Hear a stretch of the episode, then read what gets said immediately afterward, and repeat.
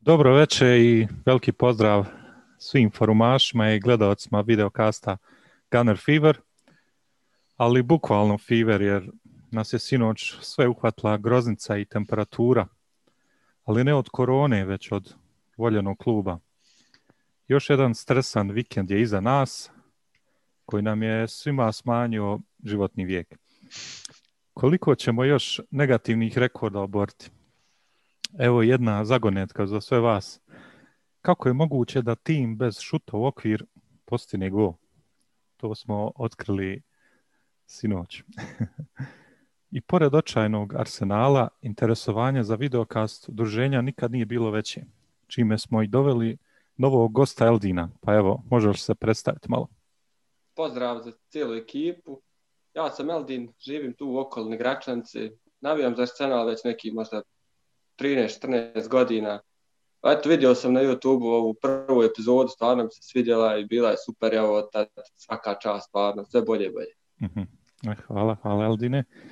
A, tu je sa nama i starješina Damir Pozdrav svima. i naravno kolega Nermin. Bravo. E, pronašao sam par zanimljivih činjenica, pa evo prije nek što počnemo malo da, da vidimo šta je to što se desilo u zadnje vrijeme. Većina raje se možda i ne sjeća Arsenala iz ovih godina. Možda, možda neki nisu ni bili rođeni.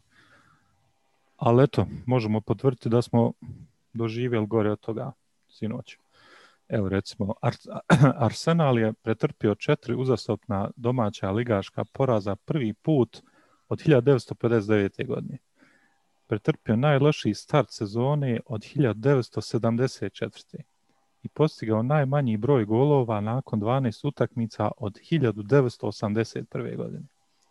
Igrao preko 12,5 sati futbala od posljednjeg gola iz otvorene igre. I evo sad se to sve desilo odvojenim godinama, a nama je to sve servirano u ovoj 2020. godini. Pa evo počet ćemo, da, super, krasno. A, počet ćemo sa nekim mini osvrtom na Burnley, pa ćemo da laganije krenuti na sljedeće utakmice. Evo, ne znam, Damire, hoćeš ti početi? Svakako. Uh, jalovi napadi 60 minuta, inicijativa Arsenala koja nije došla do izražaja i onda taj 58 minut nesposti, neshvatljiv potez bivšeg kapitena Arsenala Granita Čake, crveni karton zbog hvatanja za vrat, zaista uh, vrijedan svake moguće osude i svake moguće kazne u klubu. Nakon toga, 73. minut Aubameyangov autogol, gdje smo jednostavno pali, pali i, i više se poslije toga nismo mogli ni vratiti. Jer statistika, što se tiče statistike, te utakmice mi smo dominirali. Imali smo 65 na- naprema 35 posljednje lopte, imali smo u šutevima 18-10, 6-2, išlo, oni su ta dva, dva šuta okvir gola koji su bili, evo, niz jednog nisu postigli gola, već je spomenuo to prije mene kolega, ali imali smo 13-4 u kornerima. Odbrane golmana, njihov čuvar mreže je sačuvao gol šest puta gotovo neshvatljivim intervencijama, dok je Meno imao tu jednu odbranu udara sa nekih 40 metara. Ono što treba izdvojiti da mi u jednoj utakmici protiv Banija gdje si izgubio 1-0 da domaćem terenu napravili smo svega pet prekršaja, dok ni oni nisu bili nešto previše grubi, imali su 11. Evo, napadi su, na primjer, bili 115 naprema 81, gdje se, gdje se računalo nekih 66 opasnih napada Arsenala, ali kojih opasnih napada? Ja sam čekao i molio Boga, samo Arteta, reci im neka probaju na, napasti kroz sredinu terena da to vidim. On je konstantno nastavljao da napada sa strana i pokušavao na centar šuteve i to zaista nije moglo da prođe. Evo, ne bi da trošim previše, previše vremena na Burnley, momci u sirovim emocijama su su dobro predstavili, prenijeli uh, svoje mišljenje jeli, i Mhm. vezi svega ovoga i Da. možda zaista nije vrijedno trošiti previše vremena na, na ovu utakmicu. Razočarani smo i nadajmo se bolje. Da, da. Eldine, a, ti? A ja bih rekao, samo igramo kao da imamo dva, dva beka na, na, sa obje strane, Saka i, i Tierney, s druge strane Willian i, i Bellerin. Obojica, sve četvorica igraju kao bekovi. Nemamo isto kao da nemamo krila, kao da Viljan i Saka nisu nikako htjela niko da krene u dribling, ništa, ništa se ne dešava, samo centar Mislim, evo, gledali smo Lakazeta protiv Rapida kad je prvi put igrao u desetku, da tako kažemo, ali mislim da na toj utakmici je bio dobar, stvarno, primao je loptu i sve, ali na ovim utakmicama se nekako izgubio. Kao da ne smije, na, on, na toj utakmici protiv Rapida je stvarno primao loptu na, na centru terena, bilo gdje je primao. Ali na ovim utakmicama u Premier Ligi se bježi, jednostavno i on bježi od te lopte, svaka ide lopta na stranu i onda centar šut. Stvarno, mislim, što se tiče odbrane, mi smo odigrali, ja ne znam, ni Barley nije šutirao pasnije prema golu, ali to smo morali riješiti prije, prije tamo šansa kazeta i tu. To se mora zabijati gola. Ne? Sve u svemu, dobro, solidna utakmica, ali kad vidiš kasnije šta se desilo Džaka i to se ponavlja sto puta, stvarno to više ne treba gledati. To je previše, previše. Da. Nero, imaš šta dodati? Ja, ja, ja čekam, ja čekam da rasim Artetu na, na proste faktore za par minuta, ne mogu da ulazim ni, ni u jednog pojedinca vezano za ovu utakmicu s ovo hronični. vrijeme. Ovo su hronični problemi gdje, gdje mogu samo reći možda momci nisu dovoljno istakli sinoć da je Elneni trebao dobije dupli crveni, ako ono crveni, to jest, jer ono, to jest, jer ono su kečerski potezi, Randy Orton, ja ono ne znam, ja ono nisam nigdje vidio. Znači, prvo, kombinacija Elneni i Čaka, pretpostavljam da je najnekreativniji duo u, u engleskoj ligi do Lige 2, znači do četvrtog nivoa. Ja mislim da nema nekreativnijeg dvojca u, u timu. Razočaran sam apsolutno i, i čekam da, da završimo sa najavama jer, jer strašno izgledamo naspram Southamptona. Za Benfiku će vjerojatno Damir više reći, ali naspram jednog Southamptona koji je nekad bio redovna mušterija mi izgledamo strašno. Eto, već, mi, već mi strašno će biti. Eto. Ja jedino što mogu izdvojiti je prvih deset minuta drugog polovremena, gdje smo stvarno bili konkretni. Do crvenog kartona imali smo nekih prilika, ali nakon crvenog kartona sve se urušilo. A i na neki način Arteta bi trebao zahvaliti Žaki na crveni karton, jer on je sad napravio kao neki rikoše na, na, nje, na njega, ne na Artetu kao trenera, jer sad se može reći da, da je crveni karton razlog zašto je Arsenal izgubio ili nešto.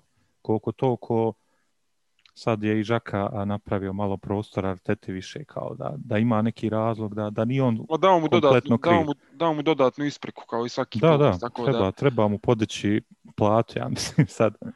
Baš, baš ga je zgotivio sa im crvenim kartonom. Uh, dobro, ništa, idemo dalje. Danas je bio, uh, bilo izvlačenje žeba za osminu finala Lige prvaka i šestnestinu finala Lige Evrope, gdje je naš dragi Arsenal i mi smo izvukli Benfiku. Benfica druga u Portugalu, solidna ekipa, mogli bismo vidjeti ponovo Vertongena i Otamendija.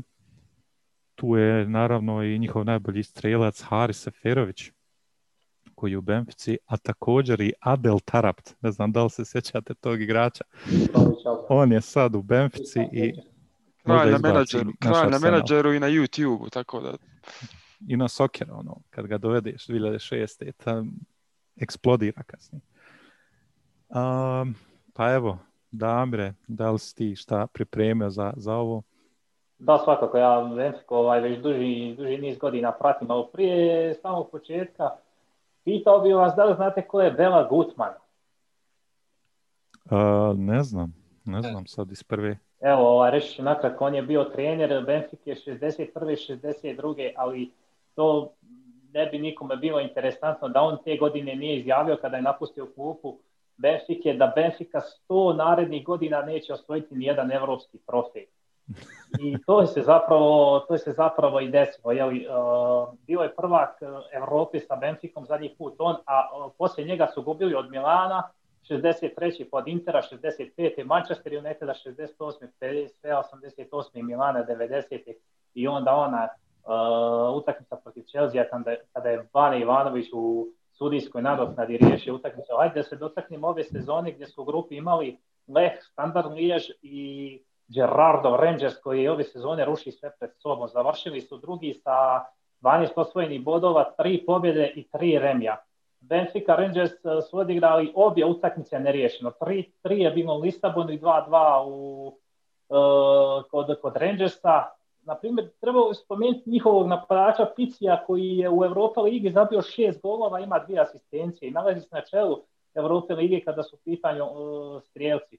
U domaćem prvenstvu nalazi na drugom mjestu sa dva boda manje od Sportinga, ukupno 21 bod, 7 pobjeda, 2 poraza, gol Raska 21-11. Ta dva poraza su doživjeli praktički jedan za, za drugim. Jeli? Prvo od Boaviste 3-0 na gostujućem terenu i od Brage 3-2 što im je svakako i, i jedini domaći poraz ove sezone, jeli? obzirom da je u Europa ligi nisu poraženi, tako da uh, od pojedinaca možda bi izdvojio na golu Grka od Iseasa i iskusne Brazilce Žardela, Argentinca Otamendija koji sigurno, sigurno neće, neće hvaliti, hvaliti motivacije da igra protiv Arsenala. Dobro je poznat svima svakako. Tu možda bih dodao još Belgijanca, Bertongena, ili Portugalac, Pici već pomenuti, Marokinac, Tarabat, onda napadač Everton, 24-godišnji Brazilac, Haris Seferović, izbjeglica Švicarska sa šest golova ove sezone. I Njemac Jean Luka, jeli, više Italijan nego Njemac, ali evo sa njemačkim državljanstvom, devet nastupa, pet golova u, u ligi uh, ove sezone. Sa klupe ih vodi Jorge Jesus, dobro poznati evropski trener, da. ali i svjetski, jeli, u Brazilu je imao svoju aferu sa Flamingom. Njemu je 66 godina, vodio je timove poput Brage, Sportinga, Flamenga, od ovih možda malo poznatijih Benfici na više mandata. Uh, mm-hmm. Što se tiče uspjeha, šest puta je osvojio Liga kup u Portugalu i jedan kup u Portugalu, uh, tri puta je bio prvak Portugala, Super kup Portugala, Super kup uh, Saudijske Arabije sa Ahlijem, Super kup Brazila, šampionat Brazila, Intertoto kup, Copa Libertadores i Re kup Južne Amerike, jeli? Zamalo kvarteta. Arteta ima e, još, još 20 trofeja. Ne? Upravo to želim da kažem, na primjer, nismo mogli da izvučemo težeg protivnika obzirom da oni imaju takvog trenera sa takvim iskustvom, sa svim tim trofejima, a na našoj klupi sedi jedan Mikel Arteta koji danas e, za Times govori ovaj indijanac iz naše uprave, jeli, obzirom, evo, indijanac možda malo vrijedljivo, ali čovjek je zapravo indijac, jeli, Vinaj. Vinaj, ja. aha, aha, yes, indeed. Javio je kako oni u, u Arteti vide dugoročno rješenje i da im se sviđa onaj način na, na koji Arteta radi u ovom klubu. Ja zaista trpim laži godinama kao i svi navijači Arsenala i pljuju nam usta da se tako izrazim godinama i nastavljaju to konstantno, a mi svi nekako šutimo Sinoć sam bio toliko ljud zaista posle utakmice, pokušao sam da napišem neki grup komentar na Arsenalovoj direktno stranici, uh, izbrisali su ga odmah, izbrisali su ga odmah, pisali su kao neprimjeren i tako nešto.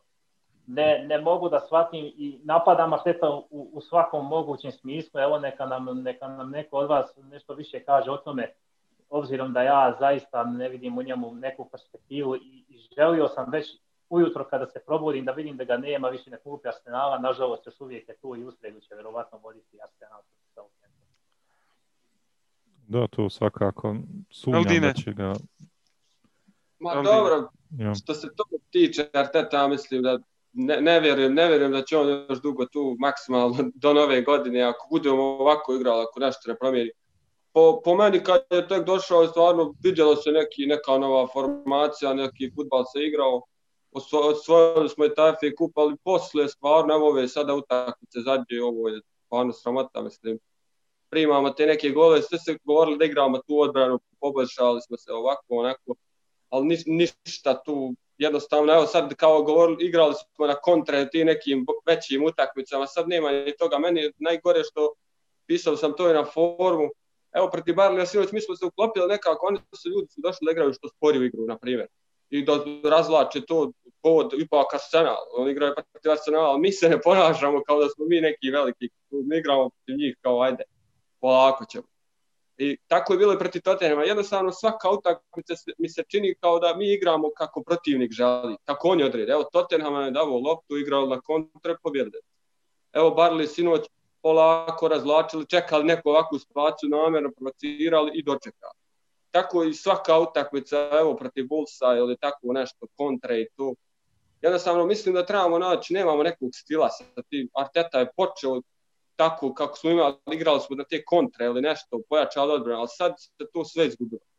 I stvarno teško, teško. Da ja, sam, ja sam bio veliki optimista kad je on tek došao kako smo počeli, osvojili smo trofej. Posle tog se sve raspalo kad je završio transfer rok i sve. Posle tog je nastala havarija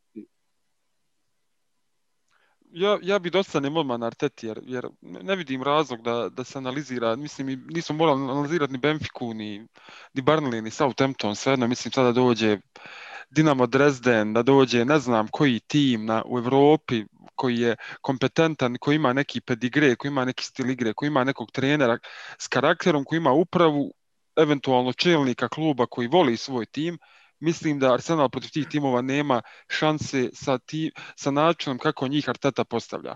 Tako da Arteta, ja sam između ostalog vratio se na forum i aktivirao se i po drugim društvenim mrežama po Redditu i to braneći Artetu na sav glas. Ne, zato, ne zbog Artete samog, nego zbog ideje da smo mi ozbiljan klub, i da ne trebamo se riješiti trenera posle 10 kola, jel? Idemo, gleda, gledamo na taj način, nismo mi neki relegation battle, ali izgleda da jesmo, ali hajde, ja sam uvijek, uvijek sam išao na to, to je projekat, čovjek je bukvalno promijenio kompletan koncept tima, između ostalog on je postao i menadžer, prije sezone bio je samo head coach, pa je postao i menadžer, zajedno sa Eduom je se tu spetljao, preuzeo je tu onaj konce, uh, povukao je radikalne poteze, kad razmislimo, on je bukvalno riješio se Ozila, riješio se Gwenduzija, koji je definitivno najbolji veznik, kad bi ga sad vratili u tim, najbolji veznik koji imamo. Sad da ga vratiš. Mislim, to neće računati partija koji, eto, mislim, i to je jedna stavka koja je enigma od kad zadnjih deset godina Arsenala, da ovdje ljudi ne mogu ostati zdravi. Znači, fitness je problem. To je nevjerovatno. Ja mogu je pričati sa 15 minuta, ali samo hoću da započnemo temu Mikel Artete i kako je sve ovo krenulo. Znači, Mikel Arteta je stigao, kao spasilac u smislu mi smo prihvatili su i navijači i svi su prihvatili tu ideju kao neki projekat ili trust the proces kao što su svi rekli. Samo je problem u tome da se u zadnjih hajmo reći, ne mogu reći od prije početak sezone krenuo kako je krenuo malo sporije, ali opet smo imali neke rezultate, ali u zadnjih 5 do 7 utakmica se taj proces raznio. Znači, proces se rastavio na proste faktore. U smislu da čovjek nije dosljedan prvo i, na igri se, ako je u pitanju proces, znači radi se na igri, jel, ako ne, ja, mi nećemo imati rezultate, prihvatam proces, 15. si, ali što radiš? Igrati Smith Rowe, ne igra, igrati čaka tri utakmice ne valja, automatski je na klupi, jer, ti, jer Arteta propagira tu neku intangibles priču ili u stvari in non-negotiables, pardon, kao on ima te non-negotiables, to su neki njegovi stavovi, ako neko nije dobar za klub, on ne igra, bez obzira bio to Auba ili Balogun, nije bitan sad renome u igrača, on mijenja to. Laž, Bellerin, Čaka, e, Lakazet, Auba, Viljan, igraju stalno, bez obzira na rezultate, bez obzira na sve. Pored toga, način na koji igramo ne pokazuje mi ništa. Znači sad opet govorim Burnley, daj ne znam Reading, daj Stoke, daj York City, daj bilo koga. Mi isto igramo. Znači mi igramo protiv Burnleya bolje, normalno da ćemo igrati bolje protiv Burnleya kad postavi odbranu nego odnosu na Tottenham kad postavi odbranu. Znači Tottenham ima bolji igrač i zato smo imali bolju, bolje prilike koje nismo iskoristili. Lakazet nije iskoristio priliku koju je morao da iskoristi on ne radi ništa što se tiče strategije. Znači, što je rekao Eldin, ima dva beka, ne igra Vilijana kao inside forwarda, kao što su ga svi igrali u karijeri, da čovjek ulazi unutra, pravi nešto. On drži Vilijana na beku, na krilu, stalno. I tu se gura sa Bellerinom, između ostalog. To su samo neke stavke po kojima on dokazao da je on izvan, svoje, izvan svog domena trenerskog znanja. I to je problem s kojim mi moramo suočimo. Nije problem, nije problem njegove, njegove izjave su jako profesionalne, to je na nekom nivou arsenala. Stvarno odnosi se i prema klubu i prema navijačima i prema svemu ka napolje kao pravi trener. Ali iznutra njegovo djelovanje je bukvalno amaterski. Kako se Pepe je napao javno, automatski ga je odstranio iz tima samim time za onaj crveni karton. Sa Čakom već i nije tako bilo jučer. Pa vi pogote zašto? Evo da ne bude da samo ja pričam, slobodno samo se nadovešte bez bilo kakvog redoslijeda na ovu priču, da malo razložimo tog velikog Mikel Artetu. Ono što najviše boli vjerovatno navijače svakog kluba kada osjeti da u ekipi imaš e, stvorene grupe među igračima. To se sigurno dešava u ovim, u ovim trenucima u Arsenalu. Jeli? Mhm. Uh, Arteta ima svoje ljubimce i oni moraju da igraju. Da li su to njegovi ljubimci ili su to igrači iz nekih grupa koji moraju da igraju da se grupa ne bi pobunila, da ne bi išlo još gore. Sigurno je da je izgubio su po mom mišljenju. Ja mislim da Arteta ne smije nastaviti da vodi Arsenal poslije nove godine.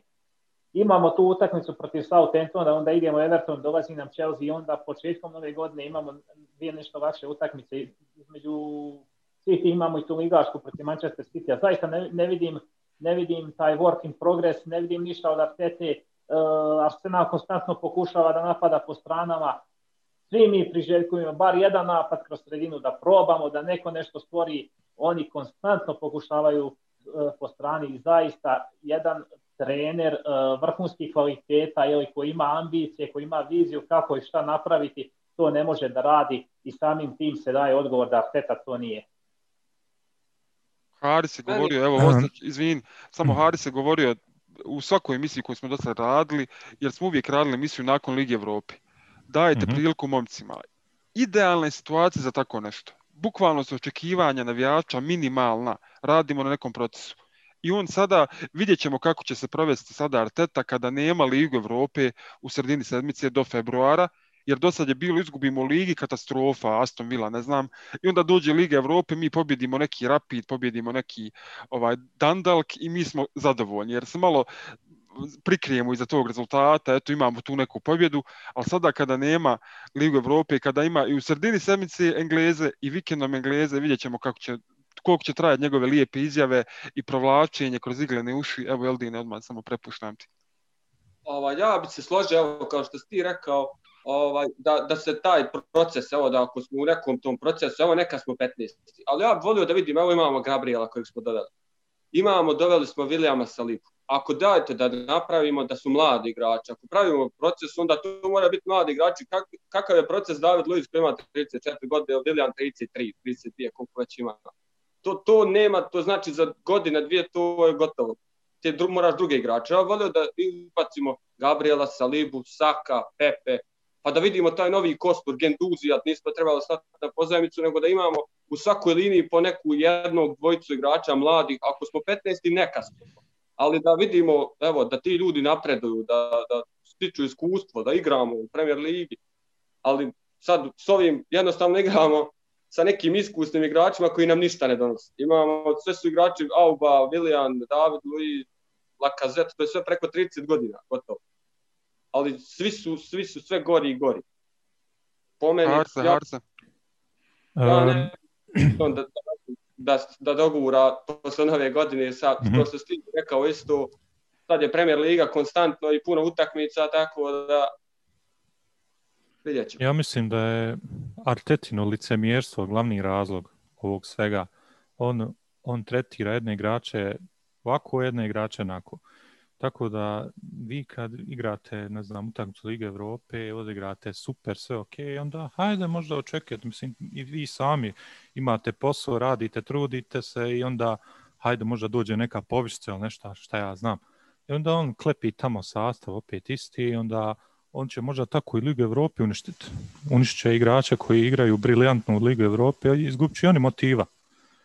A, recimo Aubameyang i ovi igrači to nevjerovatno koliko ljudi imaju kredibiliteta i to što kažeš Damre, možda se on boji toga, boji se da, da izbaci te igrače iz, iz sastava, da bi onda nastao još veći bunt, ali zar može gore? Zar, zar može gore od ovoga? Ne znam. Mislim da, da Arteta ovdje ima jako veliku ulogu, pogotovo kod, kod tog ocjenjivanja da li neko treba ići u prvi sastav ili ne. Mislim, ja kao kapiten, evo ja da sam Aubameyang, ja bi sam sebe sjeo na klupu. Znači, ja nisam, za, evo, nije dao go koliko minuta. Ako si kapiten, ako si čovjek od riječi ili šta ja znam, kažeš, hej, pa ovo nije okej, okay, daj ubaci nekog zamijeni, nešto uradi, skontaj nešto, Enketija, Balogun, gdje su ovi omladinci, možemo uraditi nešto zamijeniti, pokušati nešto novo, ne znam. Ja ne vidim da će Arteta otići sigurno do kraja ove sezone, tako da moramo se nositi s tim, pa šta imamo u sastavu, sa tim i probati idemo, ne znam, Smith Roa probati, pa ne znam, probati Nelsona, pa probati Pepea ponovo. Ne znam zašto se sa Žakom onako ponaša, a ovako sa Pepem. I to je misteriozno. Dosta je čovjek licemjera. Njegovo licemjerstvo je na neki način i uništilo našu igru. Naš kapitan trpi mnogo, mnogo kritika u posljednje vrijeme. Ja zaista mislim da, da nije njegova krivica 80% barem da nije njegova krivica. Tuši ga Arteta sa postavkom igre na terena. Aubameyang treba lopte kroz sredinu, treba lopte u noge da bi on to mogao da završi. Mi u ovom trenutku to ne radimo, pokušavamo već koliko puta treba da ponovim, na primjer, igru po stranama na centar šuteve u momentu ne može ništa napraviti. Razumijem, Damire, izvini, izvini što prekidam, razumijem to sve, ali to je jedan čovjek, ljudi koji su najplaćeniji u engleskoj ligi. Taj čovjek, ja ne mogu da, da se sjetim, evo, ja bih volio da mi nađe neko ovdje poređenje igrača koji je navodno svjetska klasa u svom, na svojoj poziciji u evropskom nogometu, koji toliko ovisi od svoj, svojih saigrača da ovoliko dugo može da bude totalno neefektivan u timu. To me samo interesuje. Znači, radije bi mi sad bilo Bamforda da imamo, koji će sam nešto sebi smuljat, koji bi polovi centar šuta barem spustio ili nešto. Znači, kakve meni koristi od nekoga koji je napadač krilo, koji mora dobiti lucidnu loptu od nekog Ozila, od nekog, ne znam, Kazorle ili nekog igrača, Aleksisa, da bi on nešto napravio. Možda sam navio sa pogrešne primjere. Remzija, nije ni bitno. Znači, tu takvog igrača ne mogu da cijenim onda neku svjetsku klasu. Onda on onda samo finišer akcija svjetske klase, ali on kao kompletan igrač nije apsolutno svjetska klasa. Evo, da, daleko od toga da je on jedan od najkvalitetnijih napadača na svijetu, to, to zapravo i nije. Ali sigurno da je jedan od najboljih finišera, kao što je rekao jednom prilikom naš, naš gost Dino iz kluba navijača Arsenala Hrvatska. Evo. Ovaj, zbog toga, zbog toga Obomejan treba lopte u noge da bi mogao nešto da napravi i može biti mnogo koristan čovjek koji je u prethodne dvije sezone zabio po 22 gola, svakako ne zaslužuje tolike kritike. Zaslužuje na, na sve ovo što se dogodilo u ovom trenutku, ali prije svega najveću kritiku zaslužuje naš trener koji ako ostane uništit će i njega i još neke igrače. Sam primjer je uh, naš lijevi bošnjik tjerni momak koji, koji gine na terenu, koji daje sve od sebe. Potpuno je se utopio u svo ovo sivilo, ne postoji više ni on na terenu i on izgleda toliko smiješno sa svim tim pokušajima ja, ja ne želim Artetu više gledati na klupi, ali nismo mi tu da, da mu sudimo, sudimo ta uprava i, i naši navijači u Engleskoj koji nisu spremni da odu u trening centar, da napanu, da kažu svoje mišljenje, jer dosta je više i tog slikanja i postova po Instagramu i drugim društvenim mrežama, kao što već neko na forumu reče. Ne, nešto se mora promijeniti, dosta je više smijanja kada ne ide, ne ide, ne, nema dobre atmosfere da bi se mogla vratiti dobra atmosfera, moramo da pobjedimo dvije, tri utakmice za redom i onda, onda se otvara neka nova priča. Jeli nije još ništa gotovo, ja vjerujem da će Arsenal završiti bar na nekom sedmom, osmom mjestu na kraju sezone, ali trenutno se nalazimo u velikim problemima i to je najveći, najveći problem vidimo u našem treneru kojem ne želim dugo da sjedi na našoj klubu. Aldin, htio sam nešto reći? Ja bih rekao, sad sam malo prije gledao tabelu Premier Ligi, pa gledam sad Southampton igramo protiv njih, kao da smo ušli u, u njihov duh tima, kako su oni do sad prošli sezona bili, a da su oni na našoj poziciji na kojoj bi mi htjeli biti. Pa gledao sam i malo protiv Sheffielda kako su igrali stvarno dobra, dobra ekipa, vrlo visok pressing igraju, napadački, ima dobri stvarno Danny Ings, ovaj Adams, Redmond stvarno ima dobri igrača i neće nam biti lako nimalo za tu utakmicu, stvarno bit će onako baš otvorena utakmica. Ja mislim da tu, ako tu ne uspijemo zabiti jedan, dva gola protiv Southamptona, stvarno, tu je baš otvorena utakmica. Evo ima jedna činjenica za Southampton, oni nisu pobjedili kod nas od 87. godine, eto pa. Skontajte koliko je to godina i utakmica. U ligi nikada nisu. A to je, to je kratak period, kako, kakve sad rekord obaramo, to je kratko 33 godine. Mi ćemo doći do 100 neke godine, prije 100 neke pa godine. to je jedan negativni rekord koji bi se mogao uskoro ostvariti. To je, to je, to je tim koji apsolutno nije kvalitetniji od nas, evo, čisto igrački gledano, ali ima već ima kostur i ima trenera koji je pokazao uh, zube koji je pokazao, prvo protiv nas je pokazao to uh, kad su izgubili 9-0 od Lestera, oni su za mjesec dana igrali sa nama i mi smo se provukli tu jedva na 2-2. Tako da to nije bilo, mi, mm. mi, to, je, to je, govorim, ovo govorim čisto da, da se vratimo na to da je problem u ovom timu dugoročan. Problem je na, nastao krajem Wenger ere, produbio se kod, u, sa erom Unai Emerija i sad smo dotakli bukvalno novo dno, s tim da im uvijek će postati novo i novo dno. Tako da meni onaj nevjerovatno da mi da Damire ti možeš sad to izjaviti da, da ti očekuješ da mi budemo 7. 8. Ja bukvalno ne vidim na osnovu čega. Mi možemo s ovim trenerom i ovim igračkim kadrom da se nadamo apsolutno nekoj promjeni osim nekoj radikalno. Kažem, radikalna bi bila da zamijenimo trenera, da počnemo igrati apsolutno s mladim igračima ili da, da se totalno promijeni neki mentalitet. Jer ljudi su totalno pali. Ljudi su pali apsolutno. Psihički, um, nema dosljednosti, čovjek je licemjeran, dvije osnovne stvari ste rekli, čovjek je licemjeran i što je prvo Damir počeo sa trenerom Benfike primjer, čovjek nema integrit, nema pedigreja da on donosi takve odluke. Ti kao novi trener ne možeš izbacivati Ozila iz tima i Gvenduzija, ja sam to sve potpisao ja, i, i, i dalje tvrdim, Ozil nije problem.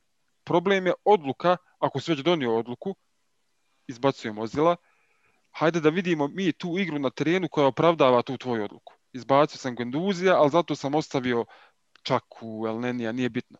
Pa kako si izbacio čovjeka ako ovo trenutno što ti igramo, igramo katastrofa?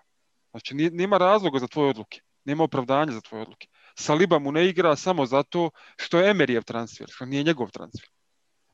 Borili su cijelo ljeto da zadrže Maitla Nilesa, čovjek i dalje nema poziciju. On bukvalno jedini futbaler preko 22 godine, 3, nema čovjek poziciju definisanu. Ovo ne, ne pamtim u historiji futbala. Koju, koju poziciju igra Maitland Niles? Evo Damire, recimo. Maitland Niles može igrati na više pozicija. Može igrati tog desnog bočnog gdje su ga forsirali jel, i Emer i, i Arteta prošle sezone. Može da igra na zadnjem veznom. Lijevog beka. Igra... Pa dože i lijevog beka, da, od desni i lijevi nije važno sad, to su te neke njegove pozicije desno krilo. Jel, Ali zar ne misliš da je on uništen, zar ne misliš da je on uništen samim time što mu ljudi nisu dali barem dosljednosti 15 utakmica da odigra na jednoj poziciji, jer stvarno nikad nije bio toliko loš da se stalno morao sjeckat ubacivati. To... Konstantno, je, konstantno mu je mijenjao poziciju sve i jedan trener i zbog toga taj momak nije mogao da dođe do izražaja. Obzirom da je momak 22 godine, čini mi se, ne znam da li ima više, nisam siguran u ovom momentu, ovaj, i zaslužuje da igra za Arsenal. Ja sam uh, imao neku želju da ga vidim i sad protiv Brnija na terenu umjesto, umjesto Granita Čake na zadnjem veznom. Mislim da bi mogao mnogo više pružiti, obzirom da mi na toj poziciji sada, kako je parti povrijeđen, njega neće biti šest, sedam sedmica, nema pojma više ni ja. Uh, tako da mi imamo taj veliki problem. Evo sad prilike protiv Southamptona i da baš vidimo ko bi mogao da igra tu poziciju zadnjeg veznog šta će, šta će da izmisli, obzirom da nemamo jednostavno igrača koji može da igra tu. Da, Sebaljos mora igra s nekim u paru, ako ga stavi sa Elnenijem, to je klasični propast, tu ćemo izgubiti sredinu terena i Southampton će nam napraviti Svakako ćemo. nema, nemam puno tu izbora. Ovaj. Niles više... Aha, Eldin treba, hajde. Ja bih rekao da baš ključ, ključ ovi naši svi problema, evo od Wengera, od Emerija, pa sad Arteta, uvijek, ja ne znam da je neko na nekoj utakmici, neki trener naš probao formaciju, na primjer sa tri vezna igrača.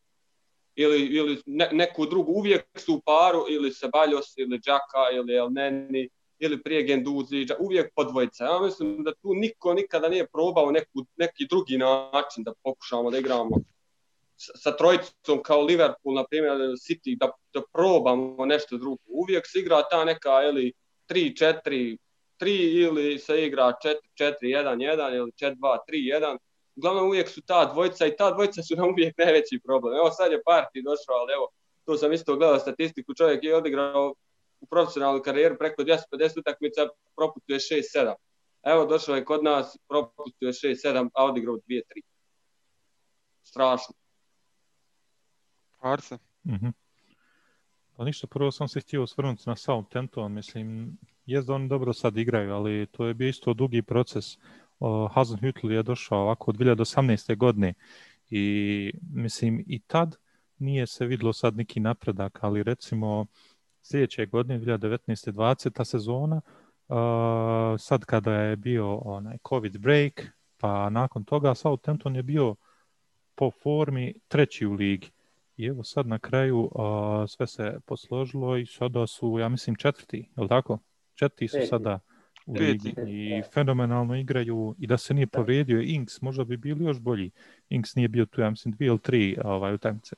Mm. Sad se Inks vratio odmah, vidjeli ste kakav je penal opale, znači pogodio je sa strane mrežu, znači to je pravi target man, goal getter, oštar napadač, svaki šut mu je opasan, svaki okret, svaki dodir, sve ima čovjek i ideju i pas i pogled i sve, sve ima nevjerovatan. Mislim, bojim se da će on napraviti neki svoj lični rekord u sredu, ali mi smo tu da se nadamo da neće.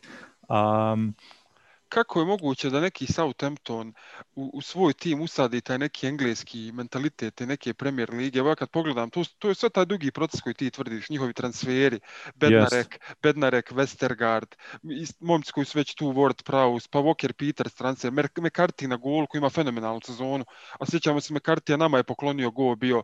Mislim, to su ljudi koji su, ti sada kad pogledaš te igrače, pa to sad strašno izgleda taj Bednarek, taj Westergaard. To su sad, pa ti čovječe, to sad divovi, onaj... to su sad ljudi, eng, engleski premier ligaši. Ja ne mogu da vjerujem da ljudi kod nas mogu igrati pet sezona, oni izgledaju isto kao da su u Celti, kao da su u Atalanti, ne pa kakva Atalanta, loš primjer, kao da su u nekoj Veroni, u nekom, ne znam, Werder Bremenu. To su ljudi nekakvi mekušci. To, ja ne vidim, evo, ti, naveo Damir primjer Tirnija.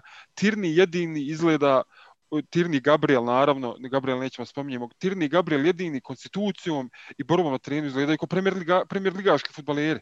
Čovječa kaže, evo, parte, naravno, ne, govorim ovo o dugoročnim sad promotimsima, tu su stameni momci jaki, borba do zadnjeg mjeseca, pa ja gledam Brighton i uživam. Gledam nekog tamo Soli, Marča, Maupaja, ljudi trče, bore se, nekako, tu fali želje, znači ljudi ne, ne vole grb na dresu, ne vole klub, nis, bez obzira na platu, bez obzira na sve. Tako da nema, mislim da je problem korijenit, zamijeni Artetu, Arteta mora da ide samo zato što ne valja čovjek. Ali ovaj koji ga naslijedi ima hrpu govana da naslijedi. A to bukvalno tako mogu reći. E, ko će primiti hrpu govana? Hajde ko tako, da pređemo, trener? hajde tako da pređemo na tu temu, Damire. Da mi reci koji igrače ti vidiš u ovom timu kao neki kostur idući dalje kroz, kroz, po tvojom mišljenju, kroz, kroz ovu sezonu i u budućnost? Koji igrač ti vidiš kao korisne? Koji, što vidiš kao mrtvo meso? Ja, možemo krenuti od odbrane. Da, krenuo bi od golmana koji je solidan, ne bi ništa mogao prigovoriti. Gabriela u odbrani bi sigurno ostavio uh, i Tiernija. Već Luiz na izlaznim vratima, ako misle da rješenje imaju u holdingu, grdno se varaju Bjeverina, koliko god ga gurali, taj čovjek ne može da igra ni za neku drugoligašku englesku ekipu. Što se tiče veznog reda, sigurno naše najveće plaćanje partij zaslužuje da igra za Arsenal i mnogo veće klubove od Arsenala. Uh, Danji se Bados može da ostane u Arsenalu. Ja mislim da može da ostane u Arsenalu, može mnogo da pomogne. Obzirom da je u lošoj formi i on odraz sve te igre i samog tima, Eh, Granit Šaka jednostavno treba da ode iz ovog kluba što je prije moguće. Taj čovjek eh, u engleskoj premier ligi ne može da igra. Možda nešto može i da pruži u Bundesligi gdje, gdje je tempo sporiji, gdje su igrači manje uh, nešto manje fizički spremniji, recimo tako. Manje je pressing, manje je pressing, da. I vrš, manje pressinga vrši, može se tako izraziti. Šta ja znam, onda mali Saka tehničar pokušava nešto, ali ja zaista ne vidim zbog čega oni njega toliko dižu u zvijezde. I, i obome ja sigurno da sluša igrač Arsena. Lakazet, dobra rezerva. Dobra rezerva, sigurno. William, meni je žao što taj čovjek toliko kritikuje, ali zaslužuje, svaku kritiku zaslužuje, ali zbog čega pruža tolike tako loše pra, ove, partije, sigurno, sigurno odjela velikog ima naš trener Mikel Arteta svaki put kad spomeneš nekog igrača koji je trebao da napravi neki balk u svemu tome, moraš spomenuti i Mikel Artetu koji ga je vjerovatno uništio nekom svojom formacijom. Što se toga tiče, ja više ne znam. Evo, Ozilje na izlaznim vratima, to je najbolji, najbolji asistent, najbolji tehničar svih vremena, po mojom mišljenju, mi smo imali takvog igrača, on to više ne može da prikaže na terenu, on je se okrenuo nekim drugim stvarima, i sada se prekucava po tim društvenim mrežama sa finalom i to je vjerovatno još jedan veći problem koji se stvara u svojoj ovoj priči. Mm. Jednostavno ja volim Ozima od dana kad je, od prvog dana kad je došao u Arsenal, ali je, uh, on je se okrenuo nekom, nekom, nekom drugom životu i jednostavno mislim da je njegova karijera ovdje završena, iako bih volio da, da u januaru ga pozovu i da odradi još šest mjeseci, jer to je najmanje što je zaslužio nakon osam godina boravka u ovom Koje je tvoje mišljenje o Pepeu? Ha. Pepe, ne znam, ne znam šta reći tom čovjeku. Mislim, mislim, da, mislim, da bi ga, mislim da bi ga proglasili flopom da je u bilo kojem drugom timu. Da je bilo koji drugi da. tim u ligi doveo tog igrača, ja bih rekao da je flop za pare koji su potrošne i za ovo dosta prikazano. Eto, tako. Na, naš je problem što mhm. Arsenal godinama, godinama nije trošio puno novca na igrače i onda kad su potrošili 70 miliona na jednog Pepea o kojem malo ko od nas je nešto iznao, malo kad smo ga i gledali u tom lijevu francuskom, jeli, uh, ko je šta je on, kao, ko je bio zainteresovan za Pepe u tom momentu, bio je zainteresovan, čini mi se Napoli koji nije htio da plati toliko sumu novca, ali Arsenal je platio 70 miliona, ja zaista ne shvatam čija je to bila ideja i sve mi vuče da je to neka, neko pranje novca tu na tom igraču, jer kad platiš 70 miliona, očekuješ da dovedeš možda Bejna iz najboljih dana, možda Mesija u ovom trenutku. Jeli, Bruno, Bruno Fernandez, tako. Bruno Fernandez koji iz utakmice u utakmicu pokazuje da vrijedi.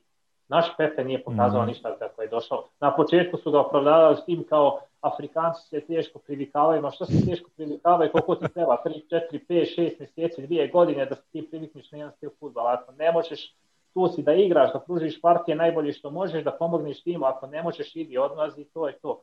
Mislim, ovo je sve profesionalni futbal, ovdje se vrti velika suma novca i uh, to, to, to treba da bude opravdano na terenu. Evo Eldine, ako tebe mogu pitati, koliko, koga od mladih kao budućnost Arsenala, mislim i to je smiješno i to su igrači osrednje kvaliteta. Koga od njih vidiš od ove mlade ekipe iz Europa lige koji bi stvarno mogli pomoći timu, a ne koji bi bili samo eto neka opcija prelazna, a u stvari su poprilično slabi. Ma ja, ja mislim da smo mi svog najboljeg mladog igrača poza, poslali na pozajemcu Genduzija, što je nam trenutno naj, najneophodniji po, po mom mišljenju nekom jedin čovjek koji kad primi loptu na sredini terena gleda da je pošalje u napad, da nije kao Džaka i El Neni i ostala ekipa, samo da je vratimo da je na sigurno, da, da ne bi neko slučajno izgubio loptu. On je po meni hrabar bio da, da, kad god mu dodate loptu na bilo kojoj poziciji da je na terenu, on gleda prema napad, da ide, da ide, da napravi se neki napad. A od ovih ostalih, pa vidjeli smo i u Evropa ligi, po meni ovaj Joe Willock isto nije toliko loš, ali se nekako i on jednu utakmicu odigra dobro, pa drugu ga nema nigdje. Pa. Smith Rowe, evo vidio smo isto neki fini potez, ali ne znam, ne znam, to je sve tanko, čini mi se opet. Sako, evo, forsirao, ali Saka, evo, pokazao na prošloj sezoni ima asistencije, golove, ali ove sezoni ništa ne ide, ti njegovi centar šutevi, ništa ne prolazi. Ja bi za Pepe rekao, po meni, šta znam, nije, nije to toliko, jeste da te novce stvarno to treba da, da da pršti, da, da ta igrač uništava protiv odbranu i sve.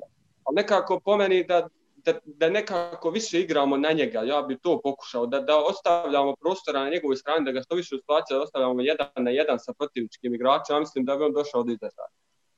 Kada bi nekako te napade igrali po lijevoj strani, pa brza lopta visoka na drugu, desnu stranu gdje je on, pa da dođe u situaciju jedan na jedan sa protivničkim. Jer vidjeli smo kad, su, kad je igrao ono par golova je dao, već su ga počeli da udvajaju. Svaka, svaka ekipa je već shvatila da dribling šut tom lijevom nogom, kasnije su počeli da ga odvajaju i ne, jednostavno presporo igra, presporo, prebacuje se ta lopta. Od mladih Balogun, evo vidjeli smo dva gola je dao. Ja mislim da on i Niketija treba da dobiju šansu. Sad, kakvu informaciju s kim da igraju, ali ja mislim da su zaslužili oba dvojica da, da pokušamo. Jer Lakazet ne znam, ni, ni na jednoj poziciji, ni kao centralni napadač je previše spor, previše trom. Kad smo ga povukli tu na tu desetku da igra i tu se izgubio, ne znam, stvarno, ne vidim neku, ali mislim da ovi mladi, ova dva napadača Nekete i Balgun da zaslužuju da igraju neku utakmicu, da počnu. Evo, kao u Southamptonu, na primjer, protiv srijeda, da vidimo. Ništa, nema, nemamo šta izgubiti više ove sezone. Ja ipak mm. mislim da ovo nije pravo vrijeme za Gomogona da se stavi u igru, jer obzirom da ne ide ništa Arsenalu, možemo samo čovjek uništiti karijeru, možda da se osvrnimo sada malo na Southampton, obzirom da smo već uh, puno vremena potrošili večeras, pa ne znam neko od vas da li ima nešto više da kaže o toj utakmici što očekuje. Pa evo, što je Šahman govorio, oni su divovi, ali Westergaard je bukvalno div, je metar i 99, nije visoči od mene, ali ipak je visok. A, a oni su čak uspeli Volkota baciti u tu mješavnu sastava, što znači da, šta da vam kažem, nije, kod nas je igrao Volkot toplo, hladno, kasnije je jako loš bio, a sad u Southamptonu ulazi u prvih 11 i igra ono, šta ja znam, solidno. Nije sad da je loš, ali uglavnom ja mislim da će nas razbucati. Eto, ne znam za ostali. Pa, ovaj, što, ako mogu.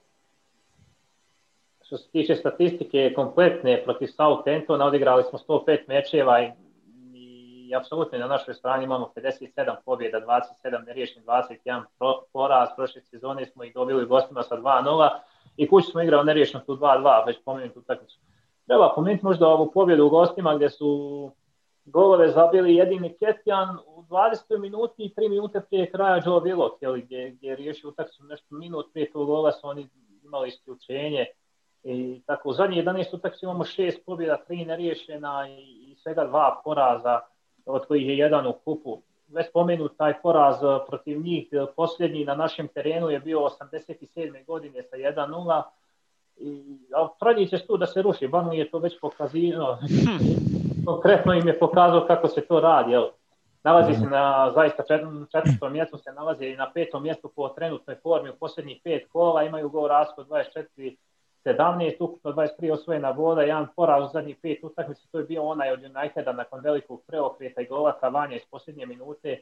Ja neriješen kod Vusa, jedina utakmica koju sam ja gledao Southampton, ili obzirom da je Vus uh, posjetio utakmice i gostao na Emirecu i interesovalo da vidim šta mogu ti Vusi. Vidio sam, moram priznat, uh, više angažovanje Vusa Southamptona u toj utakmici, ali imaju pobjedu protiv Newcastle koja je došla prije te dvije utakmice i onda su dobili Brighton u gostima i Sheffield kući. Po formi, eto, rekao sam među u zadnjih pet utakmica nalazi se na, na, na petom mjestu, dok je Arsenal na predposljednjem mjestu uh, sa gol raskom 1-8. Mi smo zabili samo taj jedan gol, gol Gabriela. Oni, na primjer, imaju 10-5. Uh, počeli su porazom protiv Tottenhama, tim visokim porazom 5-2, pa su onda dobili Burnley u gostima, su dobili, čini mi se, West Bromwich uh, kući, pa to su kao bile dvije neke lakše utakmice i svi su smatrali kao dobro, to je to od Southamptona. Međutim, otišli su Chelsea i odigrali su 3-3. Pa su dobili jedan kući. Da, onda su vodili 4-0 protiv Vile i dobili smo na kraju 4-3. A Vila je bila u fantastičnoj formi. Dobili su već pomenuti Newcastle sa Wolvesima 1-1, sa Unitedom 2-3, Brighton 1-2, West Ham kući uh, im dolazi već u, u, u ovom zgusnutom Boxing Dayu, Liverpool, Manchester City, znači ima jedan težak raspored i njima ova utakmica protiv Arsenala znači mnogo ako se ne misli zadržati u vrhu tabele na, uh, do samog kraja ove kalendarske godine. Jel? Uh, što se tiče njihovog sastava, Alex McCarthy, ti si ga već spomenuo, u nekom trenutku je zaista izgledao smiješan golman, ali sada ima 31 godinu, već 12 nastupa ove sezone, jedna od najjačih karika njihova i da. taj danas uh, Janika koji je 11 nastupa, već ste ga spomenuli 199 centi, 11 nastupa ima i tri gola, obzirom da je, da je odbranbeni igrač. Uh, tu je Adams koji je u 12 nastupa dobio četiri gola i sa istim, sa istim učinkom je, mislim, i James, ali imaju Boga u napadu Inksa sa, iz devet utakmica sa šest golova, jeli. Uh, po mom mišljenju, njihova najveća najjača karika je taj austrijski stručnjak, 50-godišnji Hansen Huntel Rauf, ako ne griješim da se tako zove, obzirom da vi Njence uvijek teško izgovaramo. Ovaj. Evo, za kraj bi ostavio, da. za bi ostavio ovog uh, našeg pijuna sa Emiratesa koji je u Southamptonu na posudbu iz, iz Evertona, jeli, ove sezone je odigrao sedam utakmica sa Southampton i zabio jedan pogodak. Šta je značio taj jedan njegov pogodak? Značio je da je 14 sezona za redom u engleskoj premijer ligi zabijao, što je zaista jedan sjajan rezultat. Mm. Volkot ima samo 31 godinu i, i zaista ja mislim da, da bi mogao da nastavi sa, sa, sa, sa tom uh, pozitivnom statistikom jeli, i naredne sezone i ne znam gdje će igrati.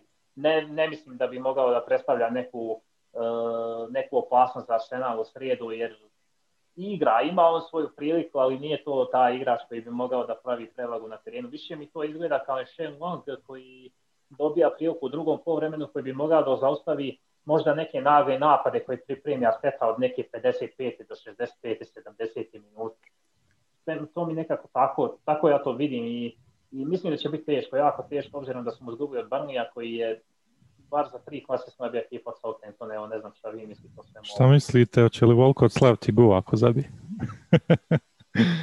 će dres i, i će pred 70.000 ljudi. Mislim da je protivnik totalno nebitan u ovom trenutku. Mislim da je svejedno i zato, zato, sa, zato se toliko i bježimo od toga da ih najavljujemo i da ih spominjemo jer, jer mi sa ovom igrom, mislim, mi nema, nema što da očekujemo. To je, apsolutno je svejedno ako izađe protiv nas, mi, bitno je da ako mi sami sebe ne pobjedimo, svako će nas pobijediti. Eldine.